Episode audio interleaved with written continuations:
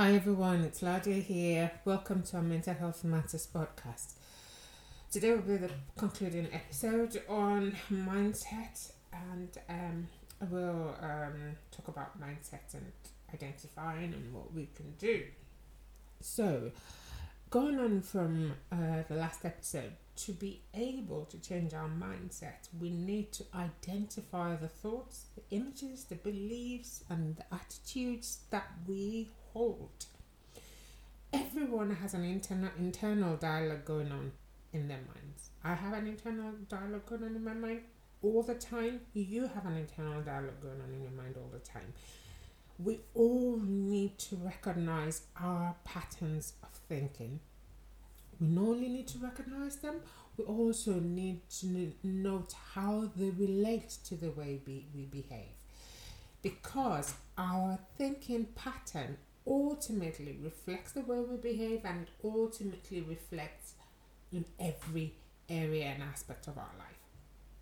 And to note, our thinking patterns generally originate from negative life experiences and uh, originate from life's experiences they originate from what people have said over and over and over again to us. They originate from childhood experiences. They all uh, originate from biased expectations of ourselves and our reality is that our thoughts beliefs and attitudes affect our feelings our behaviors and our relations.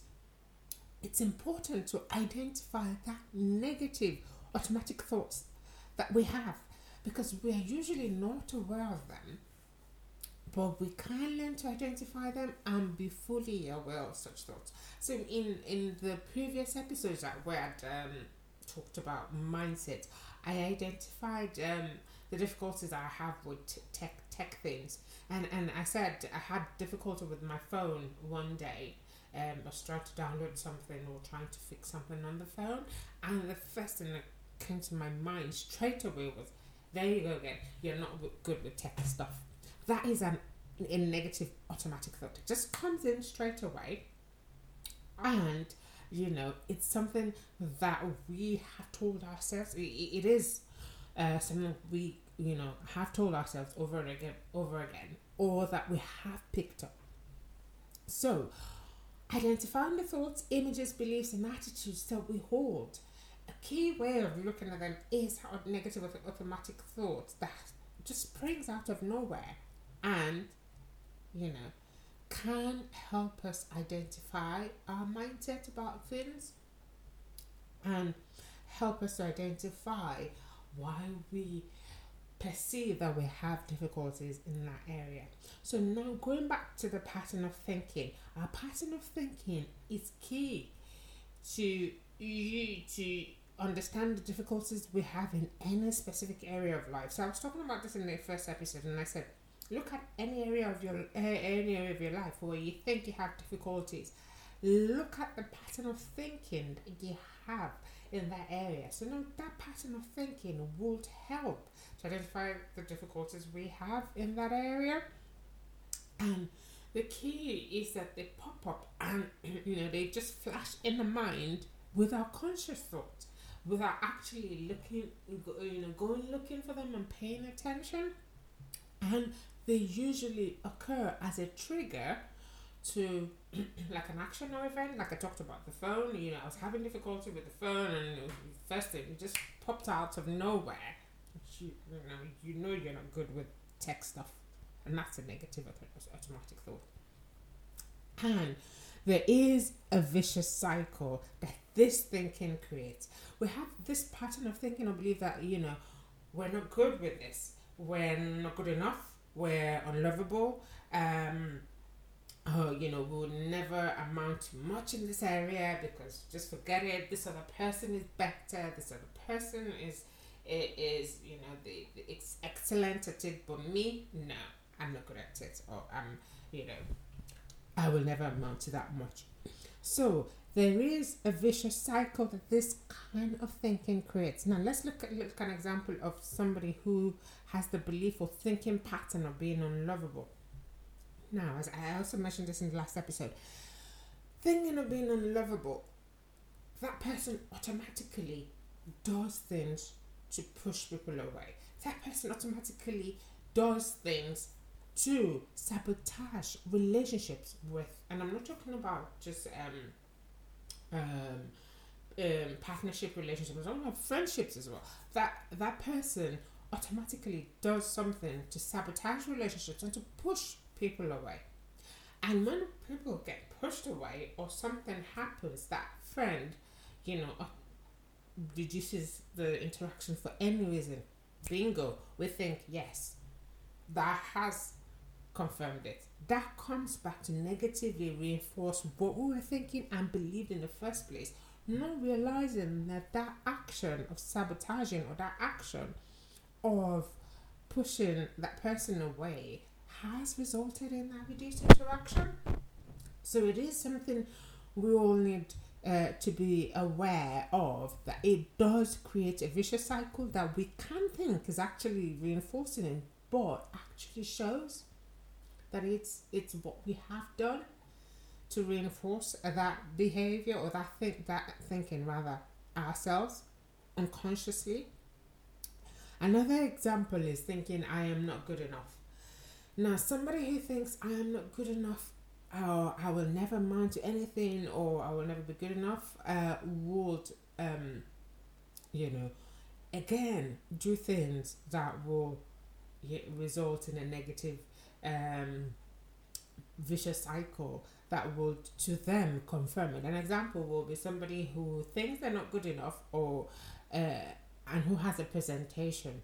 Now that person has it at the back of their mind that they're not good enough, but they have and they have a presentation, and the anxiety actually builds up, builds up, builds up, builds up. Even though they've done a good presentation, um, on on the computer when they get in front of people, that thinking influences their behavior or performance, and at the end of the day, they feel they have not given their best due to the anxiety or due to their anxious, uh, you know, the anxious feeling at that time, and they feel the outcome is, is you know, is negative. I didn't do well. yeah, that confirms it. I'm not good enough. It reinforces what they were thinking in the first place. Yeah, I've said I'm not good enough, so I don't even want know why I bothered in the first place. Now, I, I need to point out though that this is different from social anxiety or uh, the anxiety of um, standing and talk in front of people and talking. This is completely this is related to our pattern of thinking, and for some people who have uh, social anxiety when they're in therapy, it does come out that this can be related to it, but this is we're talking about our thoughts and pattern of thinking now, not necessarily that. So that example of having a poor performance negatively reinforces their belief that yes, I've said I'm not good enough and I didn't do well because I think, you know, I've, I've, I've, I've, or I've always believed I'm not good enough. And so we all have this negative distortions that we have in our mind, of which our mind has convinced us that is true, when in actual fact it isn't true. Another example will be uh, people who would generalize and come to conclusion based on one uh, one fact or uh, one area or one event that has happened. Now, someone uh, feels they're not good at football. Um, and ultimately they just decide, well, I'm not good at football. I can't be good at anything. I can't be good at anything sporty. Mm, you know, might as well not do sports.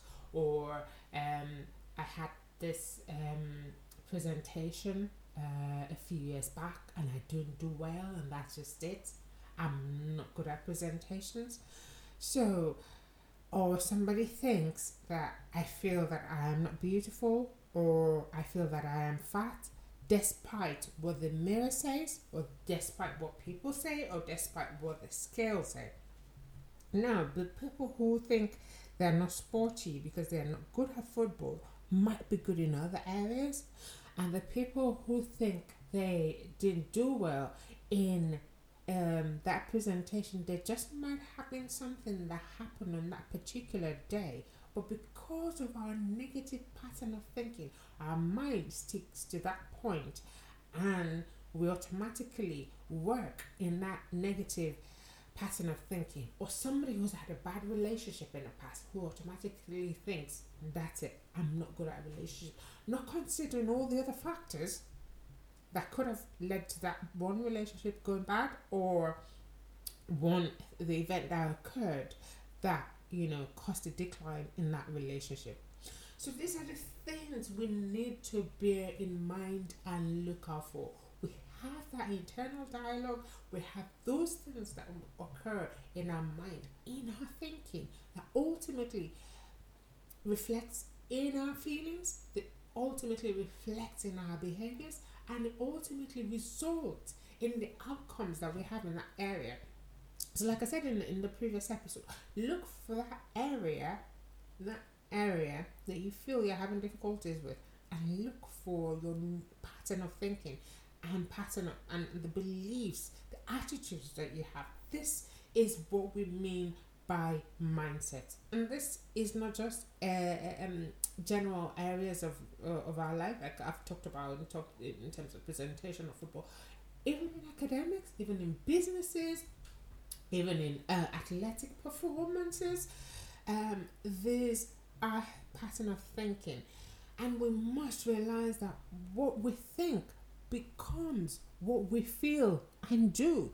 We must also realize that our deeply held beliefs are not spoken out you you can't speak them out sometimes, you know, but most times they're not spoken. They are acted out. They're reflected in your in your feelings. They're reflected in the way you know you behave, and we need to recognize this intrinsically deeply held beliefs in that area. That we we you know that we had or you are trying to examine, and listen to yourself and watch what you do. That inner monologue and pattern of thinking very important to identify. So recognizing and disputing those thoughts is a very important step recognize that event that relationship that presentation that day i wasn't good at football isn't does not automatically that difficulty with my phone does not automatically mean i am good at tech things it does not automatically mean I can't be good at tech things. It was just a one-off event. It was just a, just happened twice, and it does not mean I can't do or I can't achieve in that area. A key thing is to keep a journal, and that a, a journal or a book, and this also helps us future references, especially if you've had an area of life where you've worked on, you've recognized a negative pattern of thinking, you've been able to uh, work on it you can use that same process for other areas. So if you keep a journal of the negative thinking on patterns of thinking, negative um, thoughts that you have had, um, it also helps put it out there in your consciousness and you're constantly looking for it in your day-to-day life in that specific area looking for positive affirmations to ref- to replace those negative thoughts positive things to say to yourself. For people who think, and we often, you know, think that people can't, of course, people can have those kind of negative uh, thoughts about themselves. You will see somebody who is beautiful telling themselves, I am not beautiful, I am ugly. Meanwhile, we can help that person, or they can help themselves in saying to themselves during that internal monologue, I am beautiful. Another thing, this this this is a bit deeper than this, um, and it, you know it requires a lot more work, um, to be able to help people who have this um pattern of thinking. But an example of this is people who think they're thin, but the scale sorry people who think they are fat, but the scales say otherwise the mirror says otherwise. This is, is much deeper than you know just mindset because there's a whole lot of work that mental health professionals have to do. But this is also an example of it. Thinking I am fat. I am yeah, thinking I'm fat when the scale says otherwise and when the mirror says otherwise.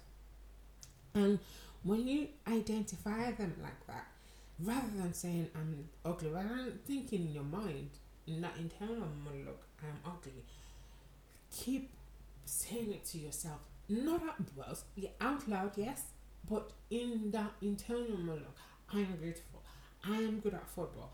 I am, you know, I am good enough. So th- this is one of those steps, and it does take effort and a lot of practice. I keep saying this, it's an ongoing process. It's not something you're gonna think and and that's it, that area of life is done. It's a daily, daily, daily action and uh, efforts that we have to make.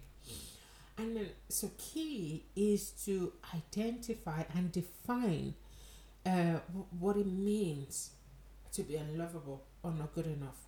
Define that label. Okay, I think I am ugly. Why am I saying I'm ugly? Why am I saying I'm unlovable? Why am I saying I'm not good enough? What is that label in that area of life that you have given yourself in your internal monologue based on of negative life experiences, childhood experiences, bias expectations, what people have said. Oh, we are from this area of the world. We are never good at this, or we always end up like this, or we always, you know, this always happens to us. And identify that area of life that you feel uncomfortable with or upsets you, and make a habit, daily habit. Pay attention to what your thoughts around are around that area Pay attention to your internal monologue. Pay attention to the feelings you have about that area. Pay attention to what you do. Listen to yourself. Write them down in your journal because when you make it more conscious and make it more firm, more objective, written, you can examine and look at them yourself. Now, the wrong belief and mindset that is giving us difficulty in that area will be hidden in our negative pattern of thinking. And this is what is key.